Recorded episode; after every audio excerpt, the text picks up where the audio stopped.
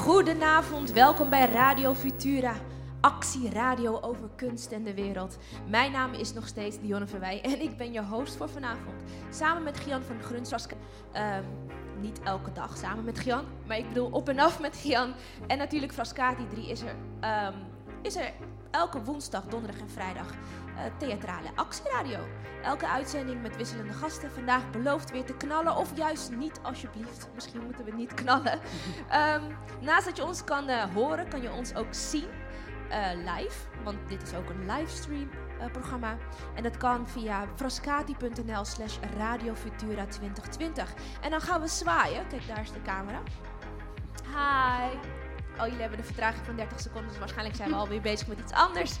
Maar wil je ons live zien, dus echt live, live zien, dan mag je altijd langskomen. We zitten in Amsterdam, in de Nes. Ongeveer op nummer 63, ergens in een steegje, vind je een grote donkergroene branddeur.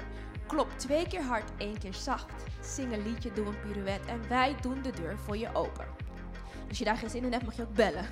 Met 0648 uh, 678648. Dus 0648 678648. En dan mag je plaatsnemen hier. Je mag meepraten en je mag zelfs voor DJ spelen. Want we hebben een LP-speler. We hebben ook een Spotify tracklist. We worden niet gesponsord trouwens. En we hebben een, emmer met, we hebben een emmer met wat quotes. Je mag er dan één uitkiezen, oplezen en als discussievoer inbrengen. Kortom, alles kan zolang je die anderhalf meter houdt.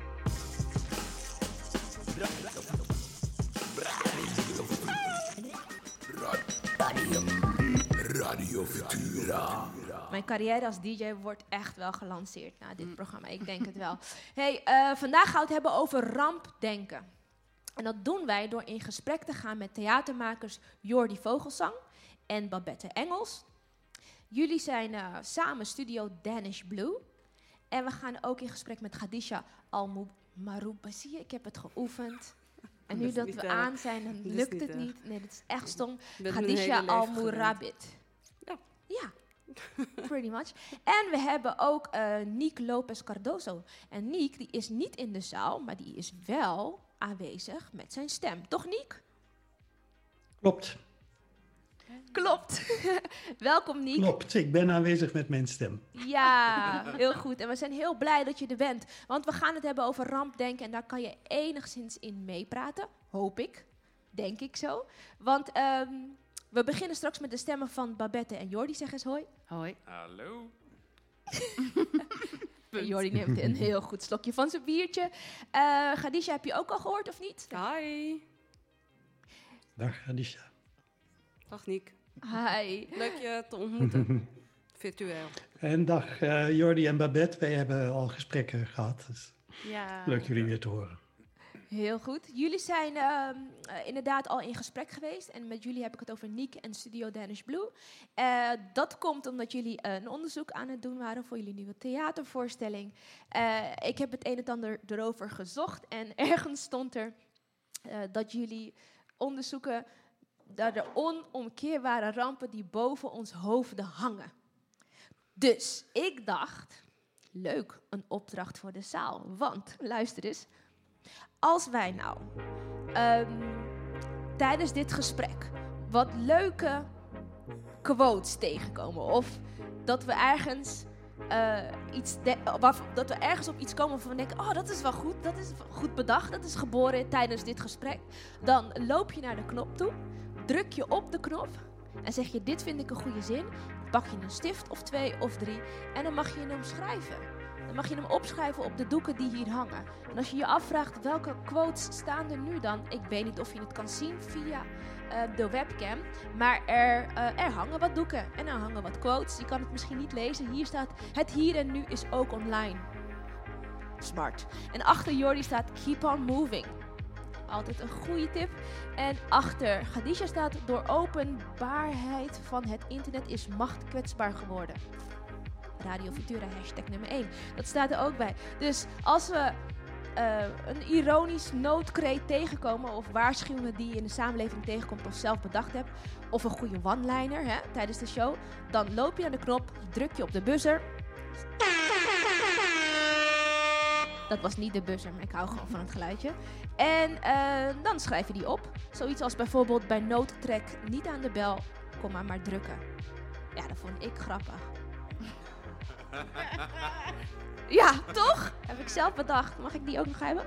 Nee? Oké. Nou, dan heb ik toch maar. Futura Radio. Oké, we gaan nu wel snel beginnen met de introductie. Jordi en Babette, Studio Danish Blue. Ehm, in de eerste voorstelling Voor de Ramp, die hier gaat spelen in Frascati, 13 tot en met 17 oktober. Twee keer per avond, maar dat moet nu, hè, tijdens, eh, om, vanwege corona. Eh, waar gaat de voorstelling over? Voor de Ramp, Jordi. Ja, Ach, jij moet beginnen. ik moet beginnen. Waar gaat de voorstelling over? Ehm, de voorstelling gaat over drie eh, politieke ehm, figuren. Drie politieke leiders eigenlijk. Eh, een, een jongste, een middelste en een oudste. En die eh, zijn in een ruimte opgesloten onder de grond. Terwijl boven hen eigenlijk de hele eh, wereld in de fik staat. En aan hen is het eigenlijk om daar een oplossing misschien wel voor te vinden. Hoe die brand te blussen. Hoe die brand te blussen. Die Ja. enorme brand, want ik neem Ja. aan dat het gaat over een, een groot... Het is geen rampje, natuurlijk. Nee, Zeker niet. We hebben eigenlijk alles wat er nu al klaar ligt qua rampen in de realiteit gewoon... Nou, alles is 10 graden warmer en alles het is uitvergroot eigenlijk. Want wanneer is deze, ik wil zeggen voorliefde voor rampen, maar dat bedoel ik helemaal niet, de interesse in rampdenken ontstaan? Ja, dat zit toch wel in ons, denk ik. Eigenlijk Als persoon of als theatermakers? Of is, dat, is daar een verschil? Daar is geen verschil in. Dat is wel iets wat wij in elkaar naar boven halen om daarover te praten. Ja. Afzonderlijk zijn wij misschien wel heel gelukkig en vrolijk, maar samen in de is put. een en al ellende. Ja. Nee, we hadden het er eigenlijk op de weg hier naartoe ook over. Dat in best wel in andere stukken wij de figuren die we op het, op het eh, toneel laten zien... heel vaak in een soort, soort snelkookpan zitten... en in een soort rampsituatie. Ja. Eh, Wij ja. vinden het, denk ik, ook gewoon leuk, maar ook grappig op een rare manier om een eh, slechte situatie neer te zetten en dan te zien wat dat in een mens naar boven haalt.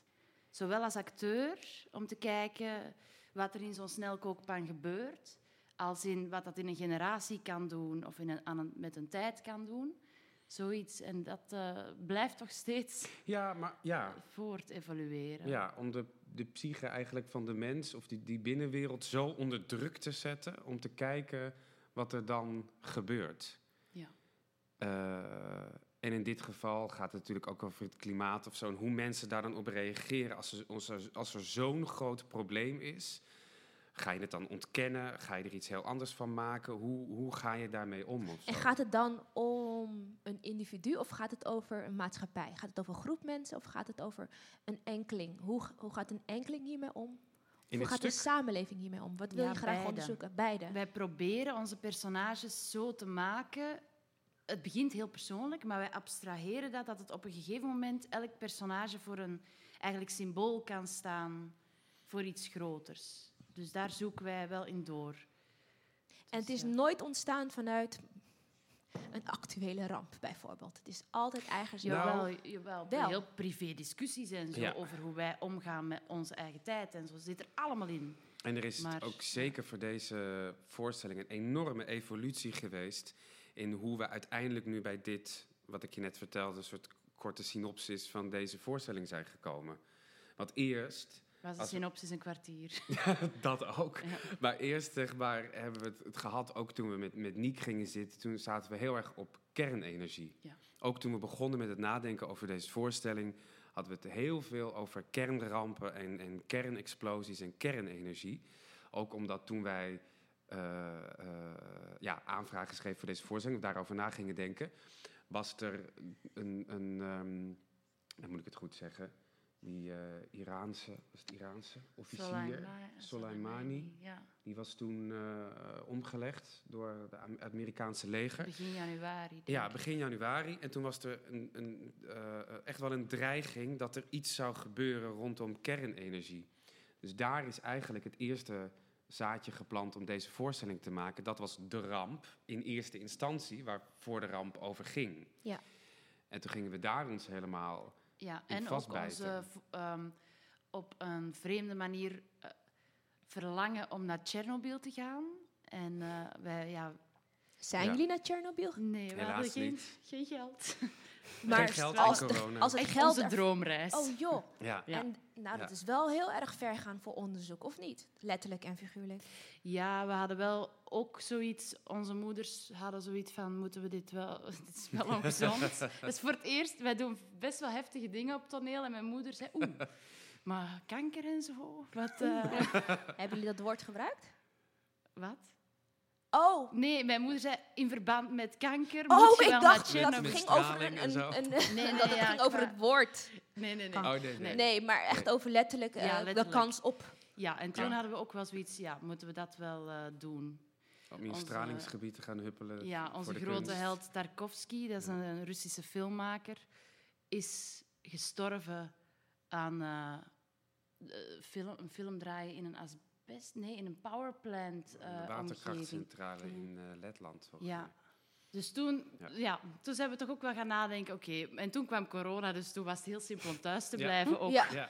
nou, of Nee, misschien niet. simpel, ja. Nee, nee, dat is ook Daar staat twee ook gevaar. Ja. Nee, maar de grens niet Het is wel helemaal in, hè? Door sommige Instagram-influencers Ja. om naar Tsjernobyl af te reizen. Om daar Ja. echt van die kiekjes te schieten. Om op Instagram te plaatsen. dat Ja. meen je niet. Ja, echt. Ja. Met risico van... HBO-serie. straling. Ja. Ja. Want hoe ver ga je inderdaad? En ehm, als die fascinatie er is en je wilt tot in het bot eigenlijk onderzoeken waar je het over wil hebben in een voorstelling. Mhm. Maar toen dachten jullie, we bellen gewoon Niek. Toch? Ehm, heel kort, Niek Lopez Cardoso is een topwetenschapper, stond er. Topwetenschapper op het gebied van kernfusie. Hij is uitstekend in staat over de wetens- wetenschap en zijn onderzoek te communiceren met een breed publiek. Dat is fijn, want ik snap er helemaal niks van. Er stond van studenten tot politici. En je ontwikkelde de Fusion Road Show. Waar gaat het over? Misschien is het toch een show. Misschien is het ook een theatervoorstelling, maar laten we het straks even vragen. En je, hij is een ervaren bestuurder op zowel nationaal als internationaal niveau. Niek is lid raad van bestuur NWO. Niek, vertel ik het goed? Nou, ik was lid van de Raad van Bestuur van NWO tot drie weken geleden. Oh joh, we zijn niet actueel. Nee, Maar Niek, wat voor werk doet u? Ja. Oh, ik mag je zeggen. ik, Sorry. jij mocht je, je zeggen. En ik ben, ehm, ik ben hoogleraar aan de Technische Universiteit Eindhoven. En mijn vakgebied is natuurkunde als discipline. En daarbinnen ehm, leid ik, of ben ik sterk betrokken, laat ik het zo zeggen, bij een opleiding, een masteropleiding, die opleidt in een interdisciplinair vak. En dat is de kernfusie. Dus het maken van een ander soort eh, eh, kernenergie dan wat we nu kennen. Ehm, kernfusie is, eh, ja, daar wordt al heel lang aan gewerkt, al meer dan 50 jaar zeg maar. Het is dezelfde soort energie die de zon en de andere sterren van energie voorziet. Eh, voor eeuwig, zeg maar. Hè? Dus in ieder geval voor een mens voor, een mens voor eeuwig. Ehm, en het zou zo leuk zijn als we dat kunstje op aarde ook zouden kunnen. En dat blijkt heel erg moeilijk te zijn. Ehm, en het heeft, het heeft enorme beloftes, die vaak overdreven worden, moet ik erbij zeggen. Oeh, maar een stukje het is wel een van de weinige opties die nog niet geprobeerd zijn, die nog niet tot werkelijkheid zijn gebracht om CO2-vrije energie op te wekken. Ja. Gadisha wilde wat vragen. ja, wat maakt de master zo interdisciplinair? Oeh, good question. Nou, ja, nee, ehm, het- is interdisciplinair, want in die zin dat je, om, het, om de reactor te maken, moet, moet, moet je een hoop natuurkunde doen, een hoop werktuigbouwkunde en elektrotechniek en dat soort dingen. En vervolgens moet je afvragen van, eh, wat betekent dit voor de maatschappij? Dus ik heb ook workshops over, ehm, ja, meer de, de socio-economische kant van het, eh, het implementeren van zo'n nieuwe energiebron. Dus ja, dat is ehm, behoorlijk interdisciplinair. Ja, van alle kanten. Hey, Jordi, wat hebben jullie Niek gevraagd? Waar hebben jullie het over gehad? Nou, in eerste instantie toen wij eh, gingen na, of waar we het net over hadden, dat, dat, dat we dachten kernenergie, met die, met die kernrampen, de, een dreigende kernoorlog, dat, dat zou wel eens reëel kunnen worden. Toen gingen wij ons verdiepen in kernenergie en wat dat precies is. En toen kwamen we ook achter kernfusie, waar Niek dan mee bezig is. En toen dachten we kernenergie eigenlijk als, een, als, de, als je de mens ziet als een soort rare, eh, eh, uitgegroeide aap met een enorm hoofd, met een, met, met een enorm doorge- doorontwikkeld brein, die maar alles wil begrijpen en alles wil doen, zou je eigenlijk in kernenergie, dachten wij, uitvergroot, eh, zowel eh, de vernietiging van de mens kunnen vinden, namelijk in, in de kernbom, eh, maar ook eh, eh, door middel van kernfusie, waar Niek dan mee bezig is, een mogelijke oplossing voor de mens om weer langer te kunnen leven, omdat dat een, eh, een, een energiebron is die eh, eh, fossiele brandstoffen en dergelijke kan vervangen, waardoor we een mogelijke oplossing zouden kunnen vinden daarin. Oplossing voor de dood, bedoel je? Nou, niet voor de dood, niet om onsterfelijk te Oh, worden, oké. maar Nee, meer om voor het klimaat. klimaatprobleem. voor het Crisis. klimaatprobleem. Nee, omdat je het over langer leven. Ik denk, Nee, oké, nee, nee, nee. misschien moet ik een andere studie volgen. Nee, Dus- maar dus dat dat in Wij één- hebben de oplossing voor de dood. jullie hebben de oplossing. Ja, dus dat in kernenergie zowel zeg maar, de vooruitgang zou zitten van de mens als de ondergang van de mens. En toen zijn we naar Niek toegestapt. Toen hebben we het bij Niek neergelegd. En Niek zei toen, jullie beeld is heel erg eh, eh, ouderwets. en hangt heel erg rond soort van de Koude Oorlog angst. Ja. En jullie moeten even bijgaan. eh, Ja, ik zat nog erger. Ik zat alleen maar daarvoor nog in een soort kernenergische ramp. En dan moest Jordi mij dan in bijspijkeren. En toen gingen we naar Nick. En dat was ook niet... eh, En, en we waren niet up-to-date genoeg. waar komt dat idee vandaan? Eh, hebben jullie enig idee hoe jullie erop komen dat kernenergie een ramp betekent? Want ik weet in de jaren... Wacht, ik wil Khadija eerst even voorstellen. Want Oh, wacht, oké. hou deze vraag even vast. Want dan weten mensen ook met wie ze spreken. Want je kan namelijk gewoon bellen, hè? Dat, je kan meepraten als je denkt, hè, jullie gaan te snel. Want dat denk ik dan. Jullie gaan te snel, leg dit nog even uit. En dat kan gewoon via 064867 8648. En ik kan het herhalen, 0648 67 8648. Als je vindt dat het te snel gaat, alsjeblieft. Maar eh, we gaan nu eh, eh, even over naar de intro voor Khadija Al-Mourabit. En die woont al heel haar leven in Amsterdam, dat heeft ze net gezegd tegen iemand anders. Maar ze woont nu in, in Zaandam-Zuid, een woning met een tuin. ze heeft filosofie gestudeerd, maar ze is nog niet klaar met leren. Je bent bezig met eh, het afronden van je specialisatie, brein en cognitie, toch? Eh, ze moet haar scriptie nog afmaken, zei ze net zo. Maar je bent werkzaam als beleidsmedewerker bij GroenLinks ook. En ehm, nou ja, je hebt best wel veel gedaan. Wat ik zo interessant vind als ik jou opzoek, is dat je veel bezig bent met kunst. En de betekenis van kunst in een samenleving en cultuur ook meteen. Eh, educatie, dus kunstzinnige educatie voor kinderen. Ehm, er stond wel iets over eh, kansarme wijk in Amsterdam, waar ik je nog wat over wil, veel vragen straks. En je bent een documentaire aan het maken. Ik heb hem gemaakt. Je hebt hem gemaakt. Ja, samen met uh, Abdelkader Benali, die, eh, de, de schrijver. En, eh, Ging gaat- het over kernenergie? Nee, helaas niet. Een Nee. andere vorm van kernenergie, misschien de nucleaire familie. eh Is ook belangrijk. nuclear family. eh, het gaat over, een, over familiebanden, over genderongelijkheid. En eh, de rode draad is eigenlijk dat we op zoek gaan naar eh, de verhalen over mijn mythische oma in Marokko, in de Rif. Ja. Ik was er twintig jaar niet geweest en eh, nou, toen zijn we er eh, naartoe gegaan en een beetje gekeken ook van hoe het zit met de familie en erfrecht. Omdat is het echt ook een heel verhaal. achter. Dat- Wauw. Maar Khadija, we gaan je vaker nog horen, toch? Ja, Je dat- komt ik nog wel eens terug. Ja, als jullie, eh, ja zeker. En, maar als er jij jezelf... van me af. Nee, nee. Nou, je, mag- je bent welkom. We hebben genoeg stoelen. Dankjewel. Als iemand jou vraagt, Khadija, wie ben je, wat doe je? Ben je dan Khadija de filosoof? Om, kort, om het kort te zeggen. Ja, dat is heel lastig, want eh, identiteit is niet echt eendimensionaal. Dus je Bam. bent tegelijkertijd heel veel en ook weer niet. Dus Speciaal voor jou. Filosofisch antwoord wel.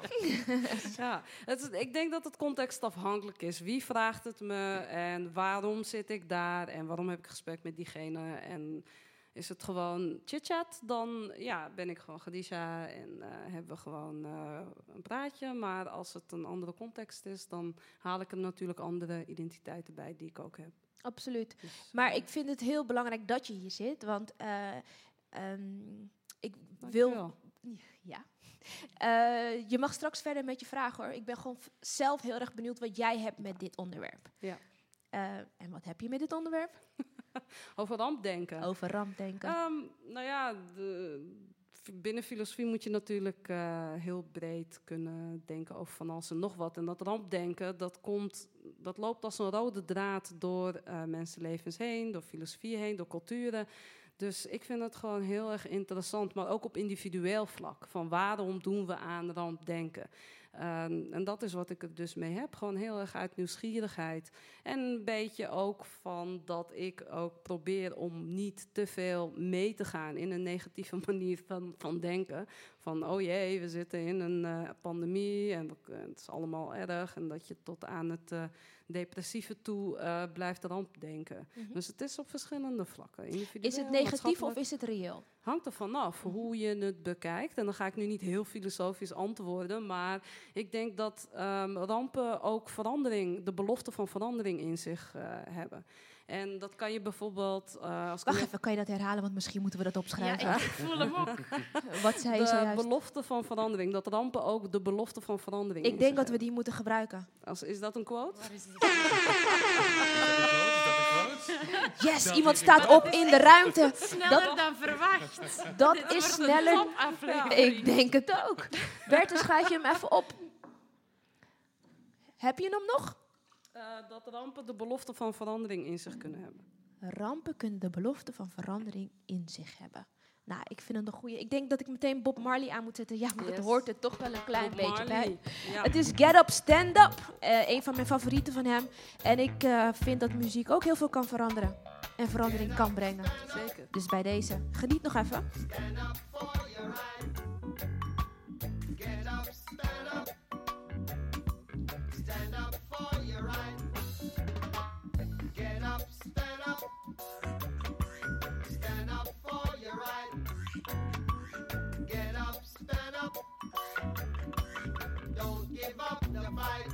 Oh, Preacher man, don't tell me heaven is under the earth.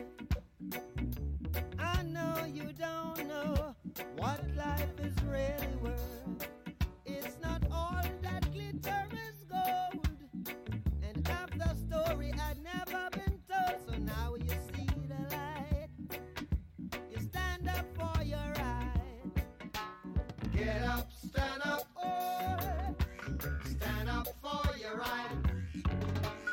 Get up,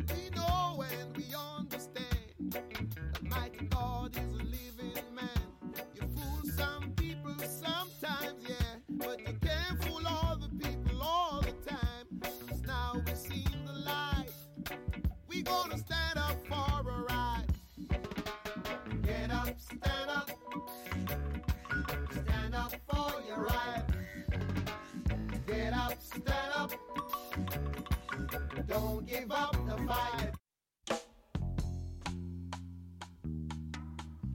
Is Nick trouwens ook eh, aanwezig? Hoort hij ons? Ja. En we komen weer terug naar de studio. We zijn nog steeds in Amsterdam, Frascati 3. Eh, ik heb net Pusherman aangezet. Waarom weet ik niet. Ik moet nog gewoon weten hoe deze laptop werkt. Ehm, ik vind het nog steeds een fijn nummer. Ook Get Up Stand Up van Bob Marley. Ik bedoel, het zegt toch wel iets over rechten van de mens. En ja, die vindt Bob Marley niet leuk, toch? Vraag ik me dan af. Eh, ik zit nog met Jordi Vogelsang, zeg ik het goed? Babette Engels en Khadisha. Ja, ik ben gewoon helemaal niet van El Mourabit. Ja, en we hebben Niek. Niek Lopez Cardoso. Niek, ben je er nog? Ik ben er nog. Hi Niek, hoi. Wel erbij blijven. Je mag meepraten. Ja, of, of course. We hebben net een hele mooie quote opgeschreven. En eh, die luidt als volgt: Rampen kunnen de beloftes met zich meedragen. Verandering. Nee, rampen kunnen de belofte van verandering met zich meedragen. Gadisha, kan je die. Uitlichten? Ja, want eh, dat moet, want natuurlijk heeft eh, een ramp natuurlijk ook negatieve kanten. Hè? Mensenlevens die verloren gaan, et cetera. Maar om een concreet voorbeeld te noemen waarom ik dit eh, zei, is eh, bijvoorbeeld de watersnood, waternood, de watersnood, wa- nou. Watersnood. watersnoodramp van, volgens mij was het van 1953. En toen, dus men wist eigenlijk al, er waren experts die hadden al gezegd, nou, dit kan misgaan en er moet wat aan gedaan worden. Maar toen de ramp zich voltrok, Mhm. toen, werden, eh, toen, toen werd er actie ondernomen en toen werden de deltawerken gebouwd. Dus die, die ramp heeft ervoor gezorgd dat uiteindelijk die deltawerken er zijn gekomen. Dus door rampen komen weer goede dingen. Dat is wat Ja, je eigenlijk wil zeggen. Soms heb je gewoon een, ja, Een ramp soms nodig. Is het, eh, ja, het is een beetje hard en kort door de bocht. Maar soms eh, zorgt een ramp ook wel voor eh, de Want- nodige verandering. Is er ook een beweging die ehm, trends kunnen, kunnen voorzien en dat ze preventief te werk gaan wat betreft rampen, Niek? Is dat ook, want dat is wat je ook onderzoekt, toch een beetje, of niet? Ja, ehm, dit is een interessante eh, invalshoek die, die we hier te pakken hebben. Want inderdaad, ehm, heel veel rampen, inclusief eh, het virus wat we nu hebben, die zijn voorspeld en die zijn zelfs vrij nauwkeurig voorspeld. En, ehm, en dan gebeurt er toch niks. Hmm. Want, want men heeft het gevoel van ja, het, het gaat eigenlijk al zo lang goed, het gaat vast nog wel een postje goed. Ja, Ehm, en wetenschap voorspelt die rampen dus vaak nou, tientallen of zelfs nog veel langer van tevoren. Hè. Ehm, en Dus waarom wordt daar dan niet naar geluisterd? nou, omdat het, het, is, het is een, eh, hoe heet dat, een, een, een oncomfortabele waarheid. Oncomfortabele waarheid. truth, hè. Hmm. Ehm, dus ehm, de pro- nou ja, ik denk een van de centrale problemen bij dit soort dingen is dat wat voor de individu eh, prettig is, voor de gemeenschap, voor de, de, mensheid als je wil, of voor de planeet, eh, eh, niet goed is. Ja, dat is heel lastig mee, daar is heel lastig mee om te gaan. Want wie heeft dan de verantwoordelijkheid voor hè, om, om, om, om te zeggen van jongens, met z'n allen gaan we geen vlees meer eten of zo. Dat, dat zijn heel, hè, dus, terwijl het je vrij gemakkelijk kan uitrekenen dat dat toch wel heel verstandig zou zijn, maar ehm, hoe, hoe kom je tot zo'n beleid en, en wie gaat er dan verantwoordelijk voor zijn? Dus die verantwoordelijkheid, die, die, eh, dus je, je kunt dingen gewoon, van te, gewoon zien aankomen. Hè. eh. Ehm, maar dat wil niet zeggen dat er dan vervolgens verstandig beleid op volgt. Ja. Ja. Nou ja, ik snap het. Ik, er is ook geen wet geschreven dat je naar een, een overheidsteam wetenschappers moet luisteren als zij een ramp voorzien. Dat, die bestaat dus niet. Nee, dat bestaat heel duidelijk niet. En ehm, ja, in wezen zou je kunnen zeggen, de, de regering heeft een verantwoordelijkheid om voor het toekomstig welzijn van de bevolking zorg te dragen. Dus dan je zou het geen slecht idee zijn eigenlijk. Nee, maar dat klinkt, dat klinkt logisch, maar dat, dat wil nog niet zeggen dat het makkelijk uitvoerbaar is. Nee, dat kan ik Ehm, begrijpen. We zijn nog zeker steeds dus mensen. nu we steeds meer met, met dreigingen op wereldschaal te maken hebben. Er is dus geen regering die daar zich zorgen over maakt. Ehm, dus dat gaat heel moeizaam. Nee, neem het Parijsakkoord. Hoe, hoe, hoe lang heeft het geduurd om daar te komen? En hoe weinig effectief is het nog?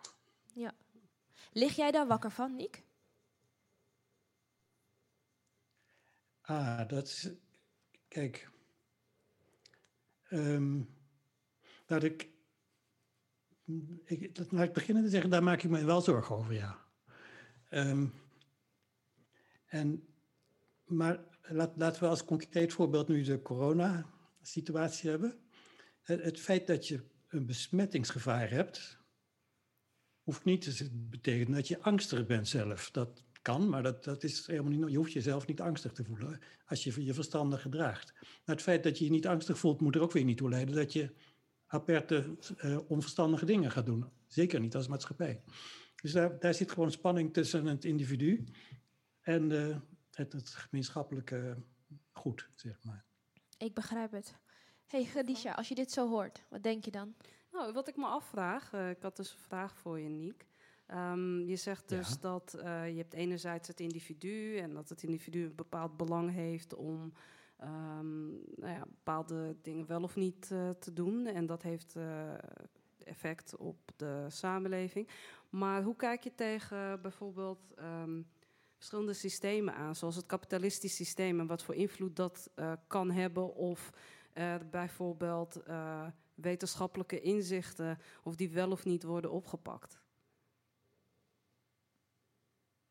Ja, het zijn wel twee heel verschillende dingen natuurlijk. Maar ehm, ehm, ehm, het, het kapitalistisch systeem is misschien eh, nog een beetje onprecies. Eh, maar we zien wel dat, er, dat zeg maar de, de inkomensongelijkheid in de wereld nou, ten eerste enorm is. En ten tweede aan het groeien is. En er is bovendien net weer in het nieuws geweest dat er een bijzonder kleine fractie van de mensen voor een groot deel van de CO2-uitstoot en de vervuiling in het algemeen zorgen. Nou, dan denk je dus, als je een systeemdenker bent, van oké, dat doen we dus niet verstandig met z'n allen. Ook helemaal te, los ervan of het eh, ethisch eh, oké is dat een paar mensen zo rijk zijn en de rest zo arm. Maar ehm, dat is voor de wereld dus gewoon echt niet goed. Nee, dat begrijpen wij. Ja, tenminste, of tenminste wij begrijpen dat. En wij zijn eh, ni- geen beleidsbepalers in dit geval. Eh, nog niet. We zijn wel filosofen en we zijn theatermakers. En ik ben heel erg benieuwd naar als jullie dit zo horen. Hebben jullie het idee dat je een stukje bijdrage levert aan een betere wereld met zo'n voorstelling? Babette? Ja, eh, ja, in ieder geval op persoonlijk niveau heb ik door dit aan te gaan, door me te verdiepen, eh, zijn er zoveel omwentelingen weer gekomen in mijn denken en dat ik dus moet veranderen, wil ik bijleren en wil ik vooruit gaan. Met echt ook flinke discussies met Jordi daarover. Van, maar dan zitten we gewoon vast, dus dan moeten we veranderen. Elke keer eigenlijk zo. Eh, dus dat, dat hele proces doede tijdens het maken. En dat hele proces wordt eigenlijk ook de boog van de voorstelling. Dus we hopen natuurlijk dat dat ook iets dwingends, op een goede manier dwingend krijgt van... Dit, dit moeten we opengooien bij het publiek. Eh, Omdat je iets teweeg wil brengen. Je wilt men in beweging brengen. Ja, want wat Nick ook eh, net ook aanhaalde... Ja, het gaat, het gaat, de voorstelling gaat eigenlijk al lang niet meer over kernenergie. Maar gaat eigenlijk over het, het, dat we vastlopen en willen overgaan eh, tot iets nieuws. Of eh, ja, ja, dat we willen veranderen, willen verbeteren, hoe dan ook. En dat je dus eigenlijk... Nu laten we drie leiders zien ten opzichte van individuen, ten opzichte van hun bevolking die bij elke move die ze maken impact hebben en dus heel moeilijk moeten gaan bewegen. Dus die zitten ook in een soort bureaucratisch ding. En daarin, Die complexiteit maakt dat, ja, dat er geen oplossingen gegeven worden, maar wel vragen gesteld worden, Jordi. Ja, En Ja. welke vragen stellen jullie dan? door die leiders zo tegenover elkaar te zetten. Nou ja, het zijn eigenlijk heel veel dingen die samenkomen, maar nou, daar kunnen we het ook wel in detail over hebben. Maar het is dat, dat, dat in de bijvoorbeeld om, om in te gaan op wat Babette net zei, die gesprekken die wij met elkaar hebben gehad, dat als je echt reëel gaat kijken naar de problemen die er zijn, zoals bijvoorbeeld het rijk-arm probleem, maar vooral eigenlijk het klimaatprobleem, wat eigenlijk het, de, de basis is van alle problemen. Dat als je daar aan wil gaan, als je daar iets mee wil gaan doen, dan zou je bijna op elke keuze die je maakt op een dag of in je leven, zou eigenlijk allemaal anders moeten. Dus het is niet alleen maar zoals bij andere dingen die nu in het nieuws zijn, of dat het een, een, een, een culturele revolutie is of een, of een bepaalde gedachtenswitch, maar het is echt een existentiële verandering bijna. Waar haal je je kleding vandaan? Hoe eet je? Hoe ga je om met je hygiëne? Kan je op een bepaalde manier douchen? Kan je, eh, hoe vervoer je jezelf? Eh, wat voor dingen gebruik je? Wat is je bezit? Waar kan je eigenlijk wonen? Eh, moet je eigenlijk wel gas hebben? Weet ik, het gaat maar door, zeg maar. Waar stem je op? Het is elke keuze die je maakt zou eigenlijk drastisch anders moeten zijn. Het is belachelijk dat je, dat je als je je daarin verdiept, wat we dan ook hebben gedaan, om bepaalde dingen te lezen of te kijken of met Niek te praten of zo, dat je bijvoorbeeld als je het hebt over de zeespie- zeespiegelstijging, dat er onder wetenschappers al een soort dat er al een consensus is over dat sommige plekken binnen niet al te lange tijd gewoon onder water liggen. En als je je als je je verdiept over bepaalde eilanden, dat die al onderlopen, dat, bepaal, dat bepaalde eilanden in putten al geen zuiver zoet water meer hebben, maar dat het allemaal verzoudt, dat is echt heel alarmerend. En het is psychologisch, waar, waar theater dan natuurlijk over gaat, want je moet het weer menselijk maken. eh, heel interessant dat we dat toch op een gigantische schaal, ook al weet je het, hè, want je hebt natuurlijk de, zeg maar, de linkse progressieve mensen die het wel weet, maar er nog steeds eigenlijk niet echt naar handelt. En, En het op een zekere manier toch nog ontkent. En niet op de Trump-manier, maar wel in je dagelijks leven of zo. En dat is super interessant. Wat dat, waarom een mens dat doet. Waarom doet een mens dat, Khadija? Oh, ja, omdat je misschien niet direct de gevolgen ziet. Ja? Je hebt eh, korte termijn en lange termijn gevolgen. Op korte termijn zie je daar niet zoveel heel van, van, van terug. Wij hier in Nederland hebben er nog niet zo een last van, behalve dan dat we een hele hete zomer hebben. Sommigen vinden dat heerlijk. Hè? Maar dus, eh, ja, het is misschien een ver van mijn bedshow. Want je ziet al dat er bepaalde mensen in, een bepaalde, in de wereld al te maken krijgen met klimaatveranderingsgevolgen. En ook een migratie eh, Mhm. ontstaat, omdat zij daar niet meer kunnen leven. Kijk, Vluchtelingen. daar is de urgentie Mhm. is gewoon direct. Ja. Kijk, als, als straks ja, half Nederland onder water gaat staan, omdat de zeespiegel rijst, ja, dan wordt dat heel urgent. Dan voelen wij dat ook. Dan worden wij vluchtelingen. Ja, Ja. precies. Maar ik had wel even een vraagje als ik die mag stellen. Zeer zeker. Want ehm, eh, jullie hebben het over het individu. En het is heel individueel. Hè? Dus waar koop je kleren? Waar eh, eet je wel geen vlees? Bio-industrie, et cetera. Maar als ik... Een, en ik, jullie hebben jullie onderzoeken gedaan. Maar als ik een beetje kijk naar eh, bijvoorbeeld eh, de CO2-uitstoot in de wereld... en wie daar verantwoordelijk voor is... eh, dan wijzen de feiten eigenlijk naar het feit dat ehm, de rijkste 1%... En de rijkste, volgens mij was het wat, de rijkste 1% en de, en de 10% in het westen. Eh, de grootste eh, veranderingen in het klimaat veroorzaken doordat zij de grootste CO2-uitstoot hebben. Dus dan is mijn vraag: hoe kun je dan als individu ehm, effect eh, daarop hebben? Terwijl het de grote bedrijven, de rijkste 1% en de, de hoogste 10% ongeveer, pimmen er niet op vast, op de aantallen. Uh, maar dat is ongeveer uh, hoe, hoe, het zit. Hoe, hoe kan jij daar dan als individu effect op hebben? Door is het niet de vraag, kan je daar als individu effect ja, op probeer hebben? hem ook Ja. inderdaad. Ja, kan Want- je daar überhaupt invloed? Want een betere wereld begint bij jezelf. Die kennen we, toch? Mhm. Maar als jij zelf voor de spiegel staat en je denkt, ik, ik heb toch een nieuwe broek nodig. Heb je het gevoel dat je een verschil maakt als je denkt, ik ga nu een duurzame broek kopen? En, en de vraag is natuurlijk, kun je het je permitteren ook om een duurzame broek te kopen?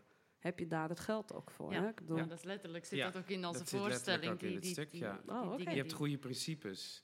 Maar je moet wel geld hebben soms om goede Ja. principes te kunnen hebben. Ja. Of niet. Dat is een hele rare Je moet geld hebben om goede principes. Wacht eens even. Dat is een leuke stelling om over na te Ja. denken. Je mag op de knop drukken. Je mag op de knop drukken. Oh, de schrijver is nog lang niet klaar met de eerste zin. Misschien Maar- kan Niek daar ook, want Niek wilde daar iets Niek, wilde je daar wat over zeggen? Nou ja, het staat een beetje op gespannen voet met het feit dat de mensen die dat geld dan hebben, juist de grootste vervuilers en bijdragers aan de CO2-uitstoot zijn. Sorry, kan je dat nog één keer voor mij herhalen? Ja, dus net was het om je, aan je principes, hè, dus om, om, om je verantwoord te kunnen gedragen, moet je geld hebben. Maar als je dat geld hebt, dan ga je kennelijk, althans zo blijkt het dus eh, te zijn, eh, juist meer CO2 uitstoten en eh je Dan ga je jetsetten. gedragen. Je gaat jetsetten. Je gaat het vliegtuig pakken om naar Parijs te gaan, Hm. bijvoorbeeld. Om daar dan een duurzame broek te kopen. dus het is een soort visuele cirkel. Ik vind ook wel dat we deze op moeten schrijven. Hè. Je, je hebt geld nodig om principes te hebben. Ehm, voel jij je als theatermaker dan ook een eh, activist? Artivist? Wij waren daar altijd een beetje allergisch voor ergens, omdat dat zo ehm, alsof de kunstenaar dat als functie moet hebben. Maar er is ook iets grappigs gebeurd in dit proces. eh, en dat is misschien wel ja, leuk om te zeggen, is dat ik had in ieder geval en Jordi ook een enorme Ja. aversie eh jegens Greta Thunberg. Op een manier. Eh, dus ik heb haar boek gekocht. Ons huis staat in brand. En ik had zoiets, ja, grappig, die moeder heeft dat geschreven en die staat onder druk. Of weet ik. Ik had, ik had heel veel aannames ten opzichte van haar. En halverwege dat boek dacht ik, shit, ik ben gewoon eigenlijk gaan zeggen over haar wat Trump en Poetin over haar zeggen. En haar gaan wegzetten als een kind en stoorzender. En ik ben uiteindelijk dus gaandeweg van haar gaan houden. En zij is ook echt... Wij gebruiken haar eigenlijk als functie nu in ons toneelstuk om als stoorzender dat te gaan op Heeft ze een character gekregen of eh, is dit voor de mensen die gewoon moeten komen kijken? Ja, we kunnen dat wel zeggen. Dat is wel, de personages zijn echt vol gebaseerd op eh, Trump, Poetin en Greta samen in een bunker. Ehm, die abstraheren we wel, maar die drie vin- vinden we zo spannend en weird om tegenover elkaar te zetten. Dus dat hebben we gewoon gedaan. Ja. Dat wilden we. Omdat het alle drie symbolen zijn. En het is heel lekker, omdat het ook... Het, is, het, het kan dus heel fout zijn. Wij zeggen de foutste dingen in onze voorstelling. Ja, het is lekker.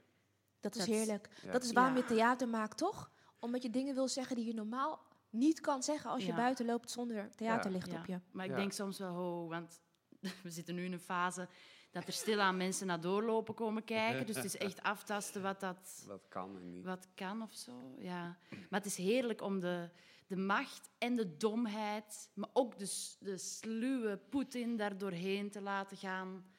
Het doet deugd voor ons om dat eruit te laten komen, wat wij daarbij voelen. Als, ja, als individu machteloos, inderdaad, wat moet ik doen? Ja, ik kan stoppen met vlees eten, maar wat, en dan dat je op dat podium kruipt en denkt, haha, en nu ga ik Poetin iets laten zeggen wat ik wil. Ja. Dat is heerlijk. Oeh. Ja. Ik zie het aan je. Ja, ik mag Greta doen. Dus. Ja, kijk, daar, ga ik, daar doe je het ook Ja, voor. misschien wisselen we nog van rollen. Dat weet ik Maar ik ben toch heel erg benieuwd waar kunst en filosofie zich dan... eh, waar ze zich... Waar ze kruisen, waar ze elkaar ontmoeten. Want ik snap deze behoeftes heel erg als kunstenaar, omdat ik zelf ook een kunstenaar ben. Maar als, eh, vanuit een filosofisch perspectief ehm, is het heel logisch dat zij hier een voorstelling over maken. Ja, tuurlijk. Ik bedoel, kijk, ehm, laat ik een heel filosofisch antwoord geven. Je had een eh, logicus, Wittgenstein, die zei, dat is een hele bekende, zei van eh, waarover je niet kan spreken, daarover moet je zwijgen. En ik weet niet wie, Waarover je niet kan. Nou, waarover je niet kan spreken, daarover moet je zwijgen. ja, die gaan we niet opschrijven. Ja, die het, gaat, nee, gestolen. Ja.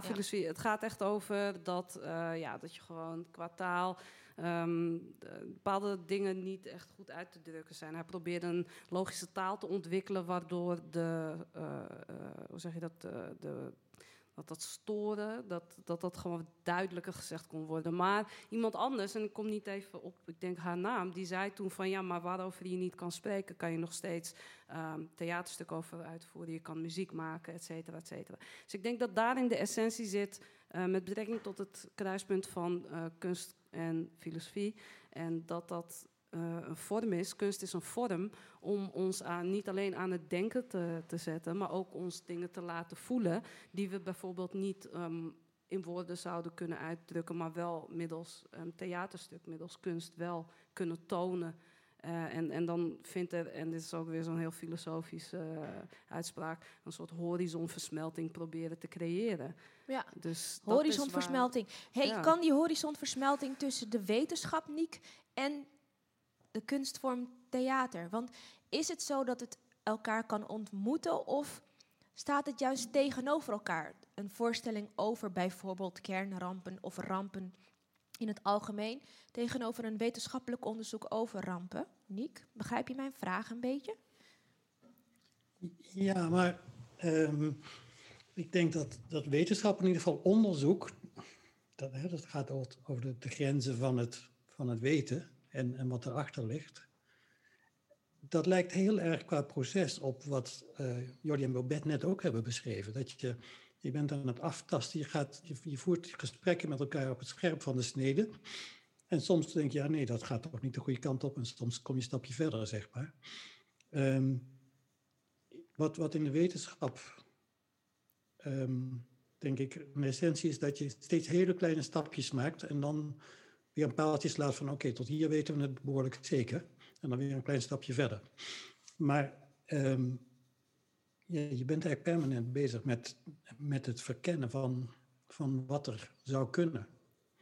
En, en te proberen dat eh, ja, in kaart Maar dan te zie ik- En, en, Dan zie ik een aantal, dit is echt heel cru of echt kort door de bocht, I know. Maar ik zie een aantal mannen met witte jassen aan, die dan elkaar characters geven. En dat je dan gaat onderzoeken wat nou als iemand die denkt als Trump of als Greta eh, een uitvergrote versie zou uitvoeren van zichzelf. Kan ik het zo voor me zien dat als wetenschappers bij elkaar komen, dat ze dan praten over wat nou als we deze kant op gaan, of als we deze gedachten pakken, of als die eh, mensen aan de macht komen, waar gaan we dan heen? Kan ik het zo voor me zien? Ehm, ehm, ik begin even bij de witte jassen. Ehm, want dat, dat beeld, ik weet niet waar je dat beeld van de wetenschapper vandaan hebt gehaald, maar ja, dat is toch wel heel erg heftig. dat volgens klopt mij. niet, hè? Nee. Dus dat, dat heb je van, van iemand anders gehoord op zijn best, denk ik. Maar ik denk niet dat je ooit zo'n wetenschapper gezien hebt. Nou, het is, Ehm, het is mijn gedachte, is echt waar. Deze kloppen voor geen en, meter. en het idee dat een wetenschapper een, een man is, ja, dat is helaas nog een, wel een beetje zo. Maar daar wordt, is toch wel heel erg verandering aan het komen. Dus, ehm, dus die dingen wil ik graag toch even anders neerzetten. Maar het gesprek, dus ehm, zonder die witte jas en zonder dat het eh, grijze mannen zijn,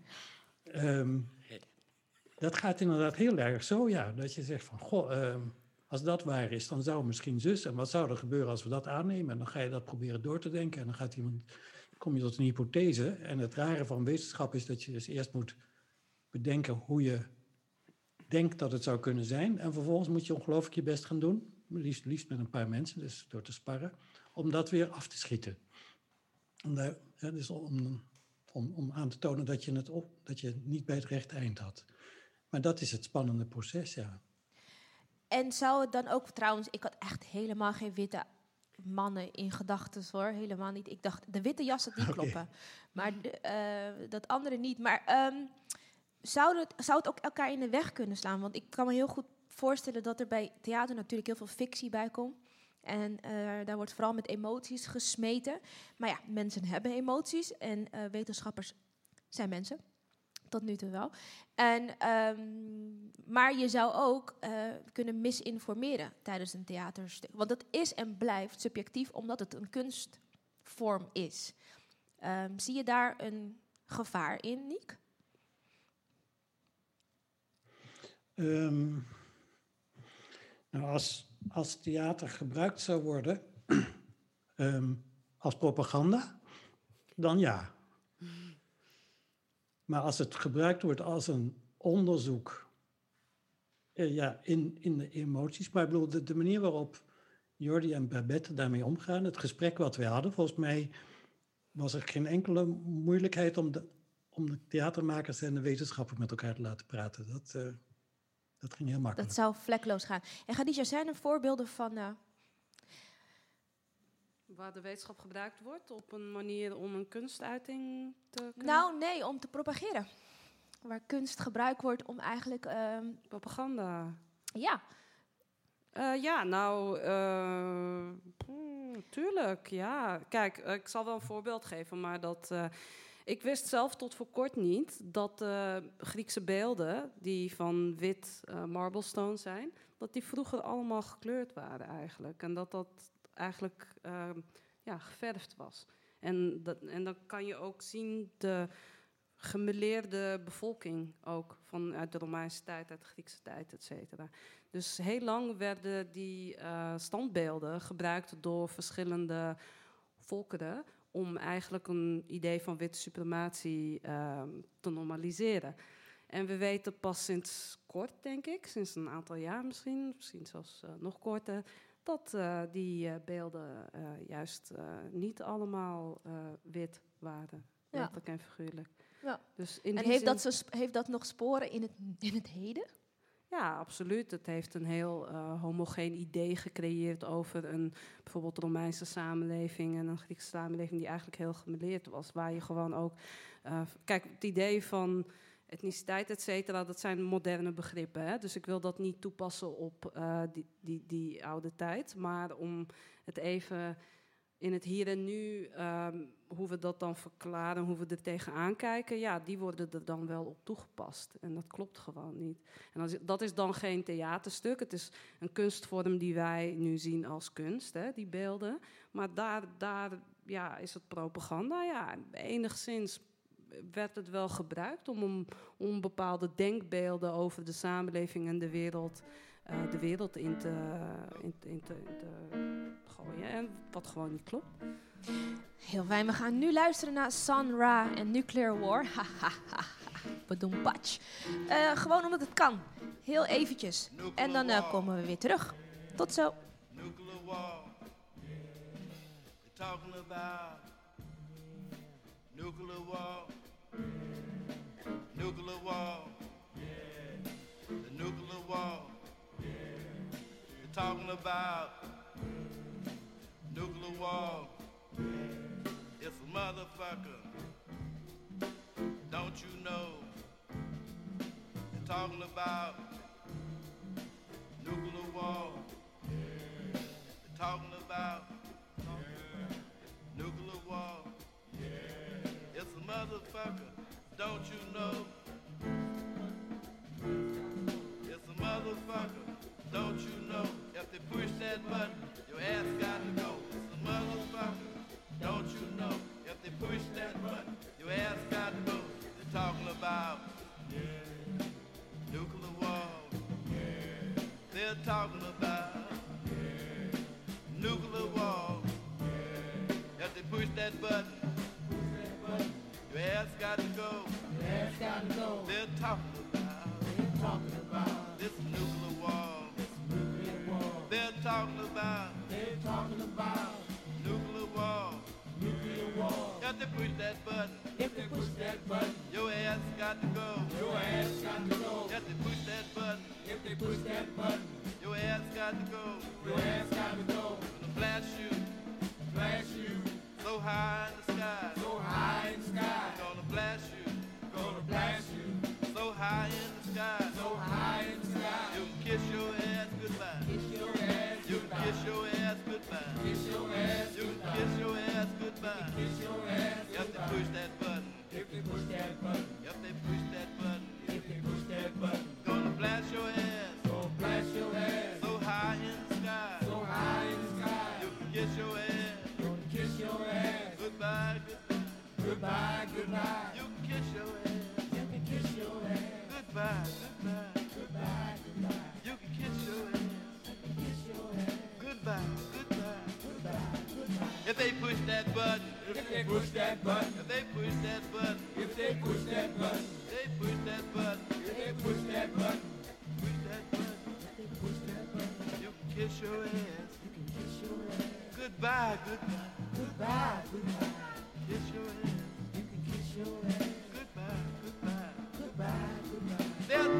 about. They're talking about nuclear war. Nuclear war. They're talking about. They're talking about nuclear war. Nuclear war. Radiation. Radiation. Mutation. Mutation. Radiation. Radiation. Mutation. Mutation. Radiation. Radiation. Mutation. Mutation. Fire.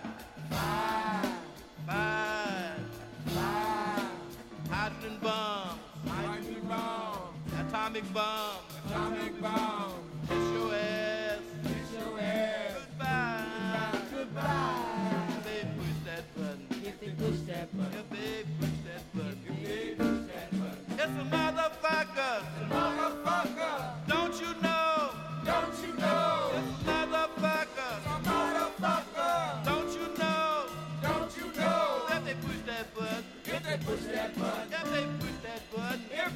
Of over. En dan.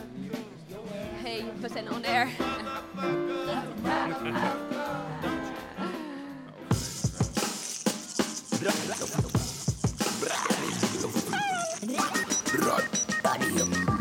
Radio Futura. En we zijn weer terug bij Radio Futura. Ondertussen zijn er een aantal quotes op de wand gesmeten. Oh, we hebben er eentje. Maar we hadden er nog één. Je mag, straks, eh, je mag hem straks opschrijven. Ehm, rampen kunnen de belofte van verandering in zich dragen. En we hadden ook nog... ehm, je hebt geld nodig om, Goede principes te hebben. om goede principes te hebben. Of uit te kunnen voeren. Eigenlijk. Ja. Want je kan die principes wel hebben. Maar je moet ze ook uitvoeren. Exact. En daar heb je geld voor nodig. We gaan nu een stukje horen uit de voorstelling Voor de ramp. Take It Away. Wat wil jij nou ook weer oplossen? Modderkinderen, hongersnood, iets met rampenstromen? Oh, Oké. Stel, ik ehm, zet jou in een kano met drie vluchtelingen. In het midden van de Stille Oceaan. En ik geef je niks mee, hè? Geen eten, geen kompas, niks. Hoe kom jij dan thuis? Wat, wat, wat ga jij dan doen? Eh, en waar is mijn telefoon in dit scenario? Je hebt geen idee hoe je moet overleven? Als de satellieten jou in de steek laten.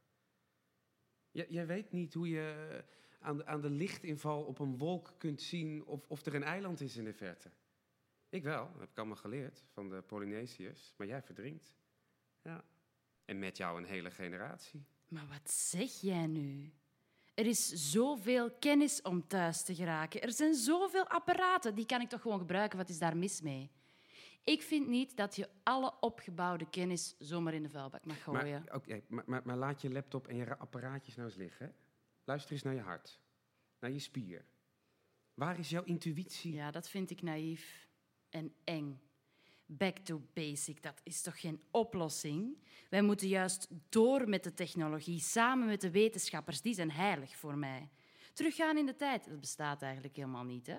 Moet ik gaan studeren bij, bij bosjesmannen en oude eilandculturen om de wereld te redden? Wat belachelijk. Ga jij die mensen nou afvallen? Wat, wat, wat is er nou ineens mis met basic? Is, is basic nu ineens too much? No- Noem jij hen nu impliciet onontwikkeld? Oh, zijn ze niet goed genoeg voor jou? Is dit dan de leider van de toekomst? Nee, nee, jij bent gewoon een rijk meisje dat alleen maar binnen zit. Hoezo ben ik ineens rijk? Ik ben straatarm in vergelijking met jullie. Dan zegt eh, Trump, dat is waar, ik ben steenrijk, ik voel me vandaag 10 miljard waard. Geld heeft er toch niks mee te maken. Het maakt niet uit wie of wat of waar je bent om goede principes te hebben. Ja, ja, dan noem jij mij romantisch Hoezo? en naïef. Hoezo? Wij zullen allemaal moeten veranderen. We hebben geen keus meer. Ja, blijf dat maar denken. Ga jij maar eens tegen een arm meisje zeggen dat zij haar hele jeugd maar weer in de kleding van de broer moet lopen. Omdat er geen geld is. En dat ze dat jurkje van 5 euro maar weer terug moet brengen. Omdat een jurkje van 5 euro, ja, dat kan natuurlijk helemaal niet. Hè? En dat de moeder een zonnepaneel moet Een jurkje. aanschaffen. Een jurkje van 5 euro door kindslaven gemaakt. Dat een ander arm kind blij maakt. Dat is toch niet opeens een goed jurkje? Ga jij, rijk, rijk meisje, hen, de armen van deze planeet, nu vertellen dat zij moeten inleveren? Ga jij de armen van hun kleine beetje welvaart beroven? Want dat is natuurlijk wel waar dit allemaal op uitdraait. Niet doen hè? nu, niet deze truc om het ineens persoonlijk te maken. Je snapt niet hoe het werkt. Zij snapt het niet, hè? Ben je wel eens in Afrika geweest? Eh, Of, of, eh, eh, heb jij wel eens in een oorlog gevochten? Nee. Ik zie niet hoe ik jou serieus kan Ik nemen. heb het over principes, een levensinstelling. Dat kan voor iedereen gelden. Iedereen kan toch bijvoorbeeld een, een brood bakken. We kunnen best wat soberder leven met iets minder. En het is niet omdat ik nog nooit in Afrika ben geweest, omdat ik liever vanuit mijn woonkamer op mijn laptop werk, dat ik dom ben. Wacht jij maar op die technologie die jouw leven zou redden. Die technologie die een paar jaar later weer schadelijk voor je blijkt te zijn. Door enorme straling, waar jij nog veel banger van wordt en nog veel meer kanker van krijgt.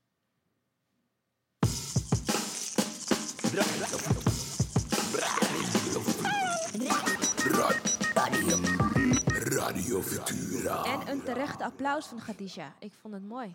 Goed om te horen. Ik ben super benieuwd. Nogmaals, 13 tot 17 oktober hier in Frascati. En de voorstelling heet Voor de ramp. Voor de Ramp.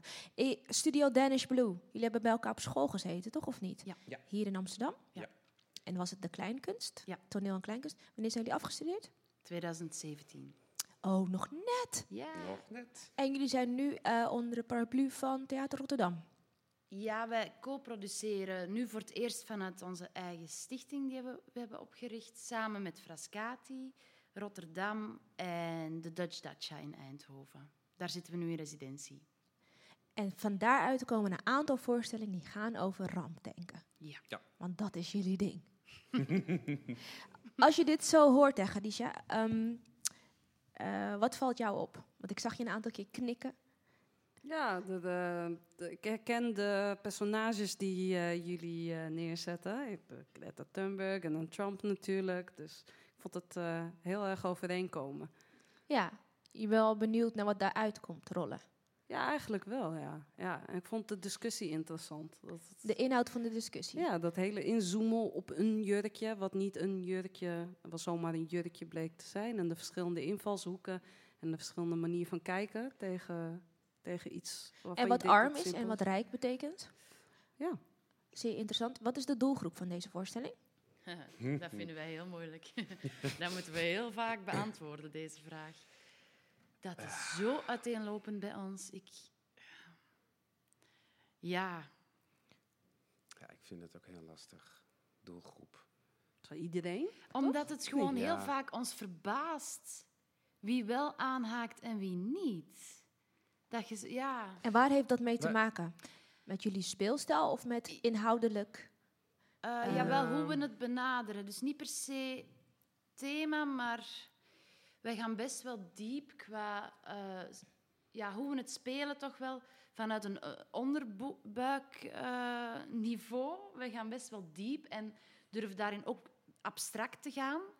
En dat is gewoon voor sommige mensen moeilijk te verdragen. En andere mensen Ja. kunnen zich daar helemaal in laten gaan. Het is soms ook, denk ik, de combinatie tussen eh, abstracter spelen of performatiever spelen, vormelijker spelen en taal gebruiken. Ja. Waardoor mensen die, die alleen het performatieve spelen gewend zijn, die, kunnen, die kijken gemakkelijk intuïtiever, die naar meme kijken of naar dans of zo.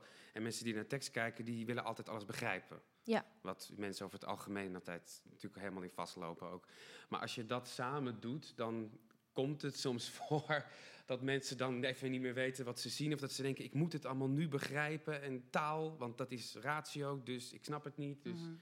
En soms is het zo, bijvoorbeeld ook met onze afstudeervoorstelling... dat er dan mensen die helemaal niet naar het theater gaan... voor de eerste keer of zo... en die dat dan zien en die in één keer in een soort hele intuïtieve kinderfantasie weer komen... omdat ze gewoon open kijken. Ja, En dat is eigenlijk... Dat eh, zijn onze lievelingskijkers. de open kijkers. Ja. Of afgelopen jaar stonden we op het Motel Mozaïek Festival in Rotterdam. Een muziekthea- muziekfestival. Gewoon eh, met, tussen de concerten eigenlijk. En dat werkte ook heel goed. Ja. Want die, die keken ook gewoon zo, "Oh, nou weet ik veel. Mhm. En dan vanuit die soort van open, intuïtieve blik. Dit is nu echt het meest, laat ik zeggen, naturalistisch of het dichtst bij de realiteit, dit stukje wat we net lazen van.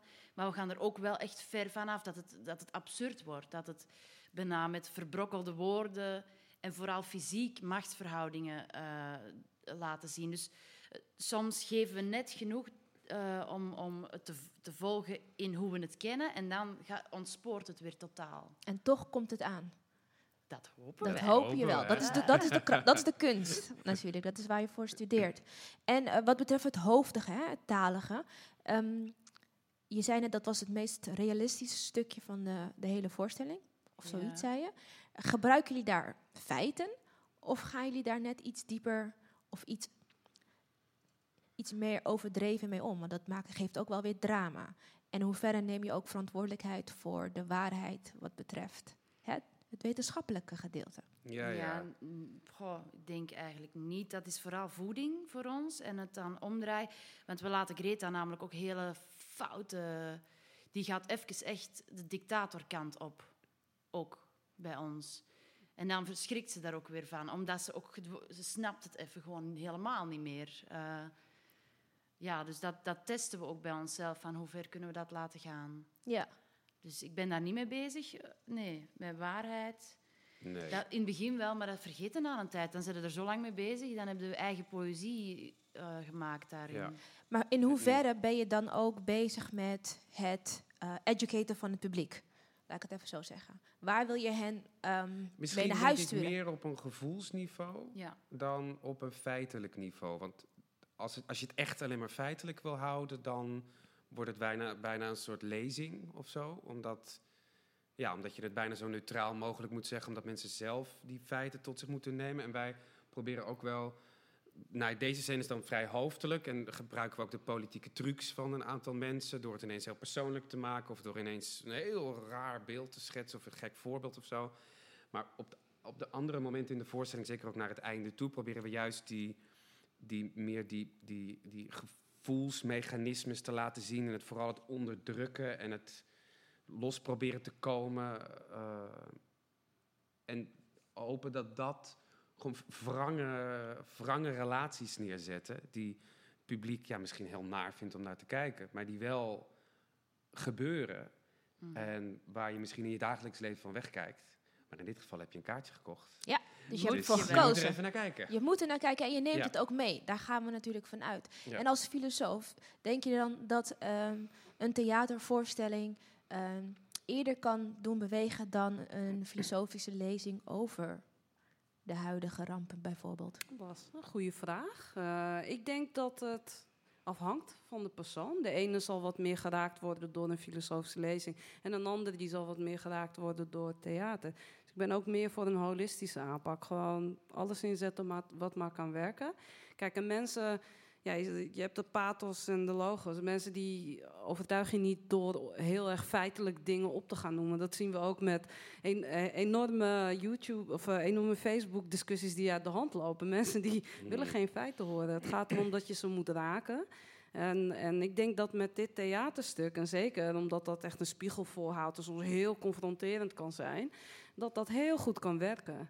En dat daarin ook al, ik bedoel, het is niet theater en er zit geen filosofie in ingebed. Want als je helemaal naar het absurde ook gaat, ik, ik ga ervan uit dat er ook eh, onbewust misschien ook eh, filosofische vraagstukken voorbij komen ook.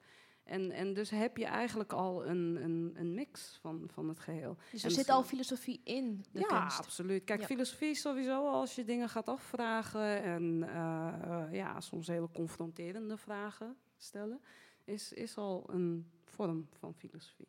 En je zei net over dat feiten niet aankomen of feiten doen niet per se bewegen. Nee. Niek, als je dat zo hoort, Nou, niet altijd, laat ik het Niet zo altijd. zeggen. Niet altijd. Nee, als je dat zo hoort, ehm, ik kan me voorstellen dat je als wetenschapper natuurlijk begint vanuit ehm, een, een noodzaak om, om eh, een geval duidelijk te maken. En daarin kan je antwoorden krijgen en die zou je het publiek willen duidelijk maken. Hoe doe je dat Nou. als wetenschapper? Je legt feiten neer, je legt cijfers neer. Ik ben natuurlijk weer helemaal niet dat, is, dat is een hele thuis. goede vraag, want, want voor heel veel van de dingen waar we het hier over hebben, zijn die feiten al lang bekend. Het is, het is niet zo dat je iets ontdekt hebt en van, oh, hoe leg ik het nou uit in wetenschapscommunicatie. Dit, is, dit gaat echt inderdaad over het, het bewerkstelligen van een bewustzijn. Ehm, dus het is gewoon echt een hele andere vraag dan eh, uitleggen ehm, wat twee graden eh, temperatuurstijging voor de wereld betekent. Ik heb het laatste niet gehoord. Het- Je kunt proberen uit te leggen wat het voor de wereld betekent als de temperatuur 2 graden omhoog gaat of zo. Maar dat is allemaal niet, is, is niet zo heel veel feiten zijn dat. Hè? Daar hoef je ook niet 50 voorbeelden ervoor te geven. Ehm, maar vervolgens moet je zorgen dat het aankomt op de een of andere manier. En hoe zorg je ervoor dat het dat- aankomt? Nou, dat is dus heel moeilijk. Ehm, want het is, om dat woord maar weer te gebruiken, een inconvenient truth. Net als, de, dus dat vind ik zo fascinerend aan dat gesprek wat net eh, uit het theaterstuk komt. Ehm, de- dat kan zo'n heel ongemakkelijk gesprek zijn. Het soort gesprek wat je eigenlijk liever niet hebt als, eh, als persoon. Omdat je alsmaar niet weet wat je terug moet zeggen, zeg maar. En, en voor een heel groot deel komt dat natuurlijk omdat je wordt aangesproken op gedrag. eh, waarvan je zelf eigenlijk ook wel weet dat het niet helemaal klopt. Ehm, ja, en dat geldt denk ik voor heel veel mensen. Er, was, eerder, er waren twee dingen die eerder gezegd zijn waar ik toch even dan wel op aan wil haken. Het ene is, als het eigenlijk die ene procent van de mensheid is die zo rijk is, die, die al het, eh, slechte doet, dan hoeft de rest er toch nergens van aan te trekken. Ik, eh, ik, eh, ik scherp het een beetje aan. Maar dat, we, kunnen allemaal onze footprint uitrekenen. Eh, en die, zijn, die is van ons allemaal veel te groot. Dus we hebben allemaal daar een, een bijdrage te leveren. En nee, je moet maar, maar eens bedenken hoe dat dan moet. Maar dus bedenken hoe dat moet. En het andere. Ja, dus, dus, dus ieder van ons, denk ik, ehm, voldoet niet aan een soort duurzaamheidsmaatstaf. En dat betekent dus dat, eh, ja, ik denk dat als je in Nederland woont, dat ook gewoon moeilijk is. Maar je, ja, je zou je daar toch wel van bewust moeten zijn. Ehm,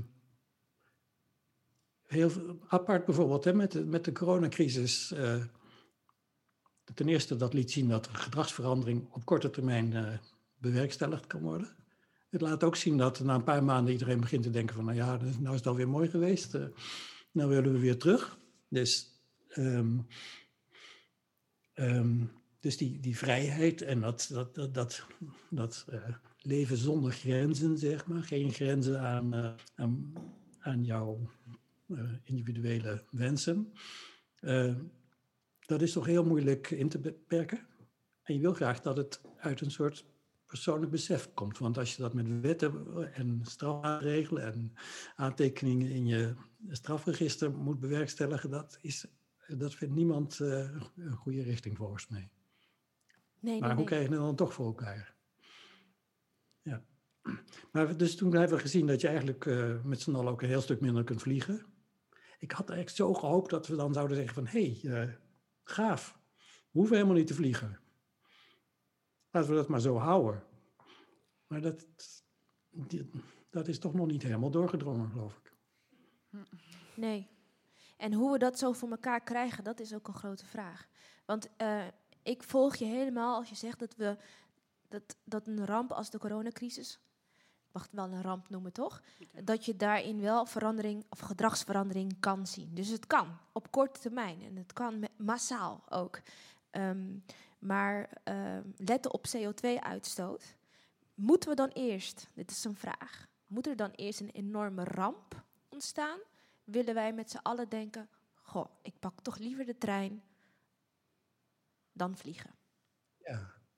Nou, nou ehm, laat ik beginnen met die ramp. Hè? Want, want ik, ik kom graag terug op die quote van ramp houdt de belofte van verandering in. Ehm, maar de vraag is, zitten we gewoon niet midden in die ramp? Als we kijken naar de, biodiversiteit en het, het, tropisch regenwoud en de, de migratie en de het toenemende kloof tussen arm en rijk, als je, als je wil. Ehm, Ehm, ik denk dat je kunt zeggen dat we gewoon midden in een ramp zitten. Alleen het is niet een soort eh, één, één gebeurtenis. Het zijn een, heleboel gebeurtenissen die zich over jaren eh, zullen uitstrekken. Maar als je, als je je afvraagt van zitten we midden in de verandering? Nou, ik denk dat de wereld sinds tien jaar geleden, en zeker sinds twintig jaar geleden, ontzettend snel aan het veranderen is. Ehm, en ik denk dat die de komende tien jaar ook nog heel erg snel gaat veranderen. Dus wat mij betreft zit er gewoon midden in zo'n transitie. Ehm, alleen omdat je er middenin ziet, zit, ehm, valt het je minder op misschien. Ervaar je dat niet als een ramp als de watersnoodramp? Ja, dat was één, één nacht. Hè? Ehm, maar het was natuurlijk in de, grand scheme of things, zeg maar, waar we het nu over hebben, was dat een klein rampje. Lokaal was het een grote ramp. Ja, nu hebben we heel veel kleine rampjes uh, die, die samen toch een grote ramp maken. Ja, maar misschien als je er middenin ziet, zie je niet dat je huis brandt. Precies, precies, precies. En uh, ja, dus we zien twee dingen. Ik vind dus die, die figuur ook goed gekozen, hè, want we zien uh, een Greta Thunberg die zegt van uh, vergeet, hè, cut the crap, waar gaat het hier eigenlijk om? Nou, die, die concentreert zich helemaal op dit feit. Um, heel puur. Maar je hebt dus ook, en dan laten we dan Trump nemen als het voorbeeld van een populistisch leider. Als je zegt wat, dus, dus laten we zeggen, bijna iedereen van ons, dus iedere burger zit een beetje met een, een, een, een tweestrijd van, ja, wat, wat leuk is voor mij is, is niet leuk, is niet zo goed voor de planeet. Nou, als je dan iemand hebt, een leider hebt die zegt, uh, trek je nergens iets van aan, uh, doe gewoon wat je zelf leuk vindt, dan word je dus bevestigd in wat je eigenlijk al graag wilde horen. Het dus dat, dat, werkt heel goed, juist in zo'n periode van, van waarin het dus uh, wat wenselijk is en wat voor jou zelf leuk is, zover uit elkaar begint te liggen. Dus dat is zorgelijk. Ja, ik, ik vind het wel interessant ook dat de drie figuren uitgekozen zijn. Want je zou je ook nog kunnen afvragen van... Um, kijk, het zijn natuurlijk drie figuren die heel bekend zijn. Die uh, voor uh, een heel bekend um, ideologie of een hele bekende manier van denken staan of doen. Um, en het zijn ook interessante figuren. Maar ze opereren natuurlijk wel binnen een wereld waarin er al uh, bepaalde tendensen al in gang waren gezet. Uh, en, en je kan dan heel erg inzoomen op deze drie figuren. En ik denk dat jullie dat ook wel uh, meenemen. Dat je dan alleen dat je ook verder kijkt dan deze drie figuren omdat je ook nog alles, uh, al het andere erbij betrekt. Want hoe, wat voor invloed heeft winstbejag najagen boven het welzijn van de samenleving bijvoorbeeld? Wat heeft dat voor effect teweeggebracht? En waar, waar, waar komt het vandaan dat we nu ook op dit punt zitten? Uh, in, in, midden in die coronapandemie. En daar kan je op verschillende manieren naar kijken. Vanuit de overheid. Uh, men wist al dat dit eventueel zou kunnen gebeuren. Ik weet nog toen Obama nog president was, waren er al epidemiologen en virologen die onderzoek deden, die zeiden dit kan gebeuren. Daar zijn ook gewoon artikelen, wetenschappelijke artikelen over. Maar binnen uh, het. het um, de realiteit waarin we leven, hè, waarin we niet losstaan van uh, krachten die uh, uiteindelijk hun effect op ons hebben. Het zij uh, wat voor economisch systeem we hebben, het zij of het een patriarchale samenleving is of niet, hoe gender daarin een rol speelt, et cetera. Dus allemaal heeft dat effect hierop. Dus um, ja, ik denk dat je wel kan kijken heel erg naar delen van uh, we zitten midden in een ramp. Ja, dat, daar ben ik het mee eens, absoluut. En ook kijken naar bepaalde figuren. Maar we moeten ook niet uit het oog verliezen dat we soms even moeten uitzoomen en naar het grotere geheel kijken. Want anders missen we cruciale informatie, waardoor we juist dingen kunnen veranderen. Want je kan wel de hele tijd in. Je kan het zien als een, als een tapijt. Daar kan je letterlijk twee centimeter vanaf gaan staan. Dan zie je hele leuke kleurtjes van het tapijt. Maar als je een paar stappen achteruit doet, zie je misschien het grotere geheel. En het grote geheel, is dat dan mooier dan... Ik denk niet per se dat het mooier is. Ik denk wel dat het uh, wat dichter bij een mogelijke oplossing of mogelijke oplossingen, oplossingen kan, kan, kan komen.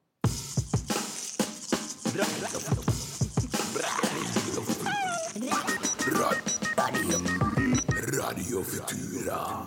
We zijn ondertussen nog 10 minuten voor het einde.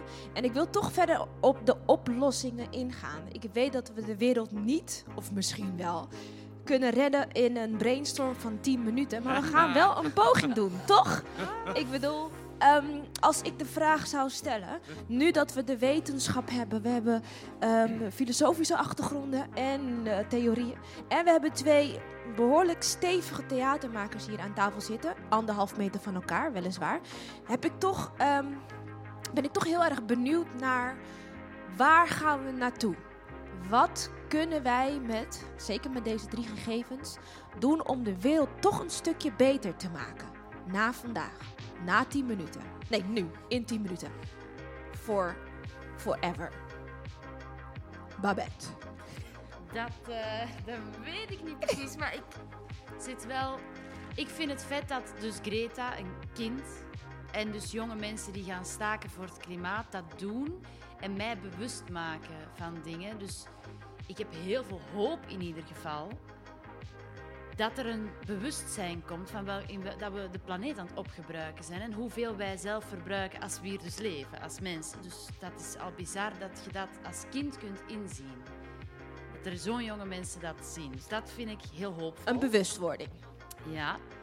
Ehm, en ik moet heel de tijd denken, dat vergat ik, maar wat ons in eerste instantie aan Tsjernobyl aantrok ook, is dat daar na die hele ramp nu die filmpjes van die drones zijn ehm, op YouTube staan die allemaal met, dat, dat de natuur barst daar uit in zijn volle glorie. Er lopen wolven rond. Al die dingen. Dus dat dat ook gewoon opnieuw begint. Zo gezegd met tweekoppige monsters die er rondrennen en zo. Maar Ja. dat, Maar dat geeft ook hoop. ja, dat vind ik eh, een mooi beeld. Ja. Dat, dat, dat dat ook weer vanzelf gewoon doorgaat. Dus bewustwording, hoop. We gaan het rondje afmaken. Oh man. De oplossing. Nee, niet de oplossing. maar, Kom op, Dion. maar een oplossing. Een oplossing. Al is hij maar heel Ja. klein. Ja, dat vind ik echt heel lastig. Want ik. Als ik dan kijk, als ik het gewoon helemaal toespits op mezelf dan. Want ik ben ook een ongelofelijke hypocriet in dit soort situaties. Ook al maak ik er nu een voorstelling over, ben ik een ongelofelijke hypocriet. En ik ben er al zelfs veel mee bezig. En ik denk ook wel naar wat is er nou nodig om mij te raken of zo. En je ziet het ook waar we net, maar nu ga ik alweer te lang antwoord geven. Maar net met, met, met corona of zo. Je ziet het dan in Nederland, dan is het in Italië aan de hand. Dat is al redelijk dichtbij of zo. En nog steeds interesseert ons geen reet eigenlijk. Dus het moet echt bijna bij de buren gebeuren of bij vrienden of zo. Wil het je echt raken. Hebben we dan een enorme, concrete ramp nodig? Nou, dat is dus de vraag. Dat is dus eh, de dit vraag. is het al, toch? Net is net zoals Black, Black Lives Matter. Dat kan je dan wel weten of zo. Maar het moet dan het moet even agressief gezegd worden. Er moet iets agressiefs gebeuren. Hetzelfde als met Greta. Er moet iets na. Gewoon iemand moet het even pijnlijk waarmaken. Als je een soort revolutie teweeg wil brengen. Daar is ook soms. Daar kan je niet genuanceerd over praten. De reactie op Black Lives Matter van ja, we moeten daar gewoon een gesprek over hebben, heeft geen zin. Absoluut niet. Je moet gewoon een keihard statement maken waar mensen boos van worden. Maar mensen Of- moeten ook overlijden. Mensen Nou ja, er is soms geweld nodig. soms heel erg veel. Ja, En dan worden alsnog niet geluisterd. Maar misschien moeten we daar niet verder op ingaan. Maar ik hoor wat je zegt. Ehm, ik, ik, ik kan daar soms heel pessimistisch van worden. Ja. Dat ik denk, er is enorm veel aan de, hand, aan de hand. Maar wat is er in godsnaam mogelijk om mensen soms wakker te schudden? En je ziet nu soms dat als het dichterbij komt, of als er een concreet voorbeeld is, zoals bij George Floyd of zo, dat het dan in één keer helder wordt. En het is zo. De mensen zijn zo dom soms. Mm. Als het dan gaat over iets wat zo'n langer termijn is, of om dingen voor zich uit te schuiven. Dus ik vraag me soms af, wat is er nodig? Is het echt maar als wij dom zijn, is er dan kennis nodig? Huh? Als wij dom zijn, is er dan meer kennis nodig? Kennis is moeilijk om mensen te raken, denk ik. Misschien dat het. Maar dat is dan weer heel pessimistisch. Moet de dam onderlopen, zeg maar? Moet je zwemmen op de dam? Wil je begrijpen dat er echt een klimaatprobleem is? Misschien wel. Weet we hebben niet. hier bewustwording en hoop. We hebben hier... eh, ik weet het niet. En kom niet ik uit, word ik kom er niet pessimistisch en ik kom er niet uit. Khadija, Ja. we gaan een poging doen. Ja, ik zeg down with the patriarchy, weet je. De systemen die we hebben, die eh, gebouwd zijn, dat, dat, eh, dat werkt niet. En we zien dat nu. Je hebt ook, eh, Thomas Koen die zegt ook, binnen de wetenschap heb je ook paradigm shifts. En dat kan je niet voorspellen soms. Dat, dat weet je niet. Het komt eraan, een paradigm shift is dat eh, de ideeën over de wereld of over wat dan ook... eh, of, of, of, of een bepaalde wetenschap, dat dat verandert. Dat dat niet meer stand kan houden. En dat kan om verschillende redenen zijn. En ik denk dat we daar ook middenin zitten. Zoals Nico ook zegt, we zitten gewoon echt midden in die coronaviruspandemie. En veel En, meer. en daarin vinden ook verschillende paradigm shifts. En om terug te komen op Black Lives Matter, ja, kijk, dat er constant Afro-Amerikanen werden, worden doodgeschoten door de politie, dat gebeurt al heel lang. Al heel lang, dat is niet de eerste keer. Maar ik denk, als je een samenkomst van omstandigheden heb- hebt, en dat is waar Thomas Koen ook eh, het over heeft, ehm, en corona, de pandemie, Mhm. en mensen die raken hun baan kwijt. En ze moeten overleven. En er, en er is eh, ar- armoede. Je hebt op een gegeven moment niks te verliezen. En er moet wat veranderen. Omdat het gewoon echt niet meer houdbaar is. En dan krijg je eh, demonstraties. En je ziet het dat zoiets als, als eh, het overlijden van George Floyd. Nou ja, de moord op George Floyd is het eigenlijk. Dat dat een... eh, Katalysator is. ja, een katalysator is van zoveel katalysatoren die er al waren geweest. Het is een proces, hè? Dus het, is niet, het heeft geen begin en geen einde. Nee. Van we beginnen hier en straks hebben we de oplossing en dan zijn we klaar. Ja, dat is Nee, heel. dat werkt heel, Nee. Dus ik hoor... ehm, Hoopvol is wel dat er Ja. heel veel van dat soort dingen nu gebeuren. Ook Ja. als je kijkt naar MeToo. ja. Ja. Dat er heel veel van die paradigma-wisselingen Ja. zijn in Precies. gedachtegoed nu. Of- van of word de hoop wakker. met Ja. de jongeren, met TikTok. Ik bedoel, wie had gedacht dat TikTok een medium zou zijn Ja. waarin jonge mensen Ja. gewoon hele politieke ideeën en, Ja. en nou, dat is echt geweldig, dat soort dingen. En je ziet het ook terugkomen op vele vlakken. Hè? We zien het bij, aan de series die we kijken. Ja, er zit nog wel een bepaald winstoogmerk aan, dus daar pas ik wel een beetje mee op. Maar je ziet wel veranderingen op alle vlakken. En ja, verandering gaat gewoon heel langzaam soms. verandering gaat heel langzaam. Maar ik hoor ook dat, dat verlies nodig is. Ik hoor dat tijd nodig is. Ik hoor dat Ja. technologie nodig is. Ehm Niek, ik durf het bijna niet te vragen. Maar wat denk Ja. jij dat er nodig is? Nou, ehm, kijk, eh, wat, wat eh, Jordi zei, van daar kan ik pessimistisch van worden. En natuurlijk, je kunt, pessimistisch worden, je kunt de- gedeprimeerd raken, je kunt ook gewoon optimistisch zijn. Maakt allemaal niet zoveel uit natuurlijk voor wat er gebeurt. Dat maakt voor jezelf uit. Wat, wat mij hoop geeft, is, is eigenlijk vooral dat soort dingen als de scholierendemonstraties. Want het gaat wel echt gewoon om de toekomst van mensen die nu jong zijn. En die moeten zich laten horen. En eigenlijk eh, is het natuurlijk te zot dat eh, de politiek wordt bevolkt door, door, door ouderen die het, die, die proberen zo te regelen dat het voor hun goed gaat en het voor de jongeren eigenlijk niet zo goed gaat. Dus ik, daar heb ik eigenlijk heel erg mijn hoop op gevestigd dat die stem zo luid gaat klinken dat daardoor de toekomst van, van hen en daarmee van de planeet eh, veel meer gewicht gaat krijgen. Ehm, ja, laat ik het Ja. daar maar even. Kijk, technologie, misschien moet ik iets zeggen over technologie. Nou, de, eh, de wetenschap kan natuurlijk allerlei, allerlei dingetjes fixen, zeg maar. En, ehm, maar die kan niet zomaar eventjes een, een klimaatprobleem oplossen. Ja, dingetjes. Maar het zal, het zal wel echt van een, van een gedragsverandering moeten komen. Dus ik zou heel erg willen oppassen voor, voor het idee van laat die wetenschap nou maar weer wat dingetjes uitvinden. Dan kunnen wij verder gewoon door blijven gaan met vliegen en eh, vlees eten en dat soort dingen. Dat, dat gaat de wetenschap niet fixen.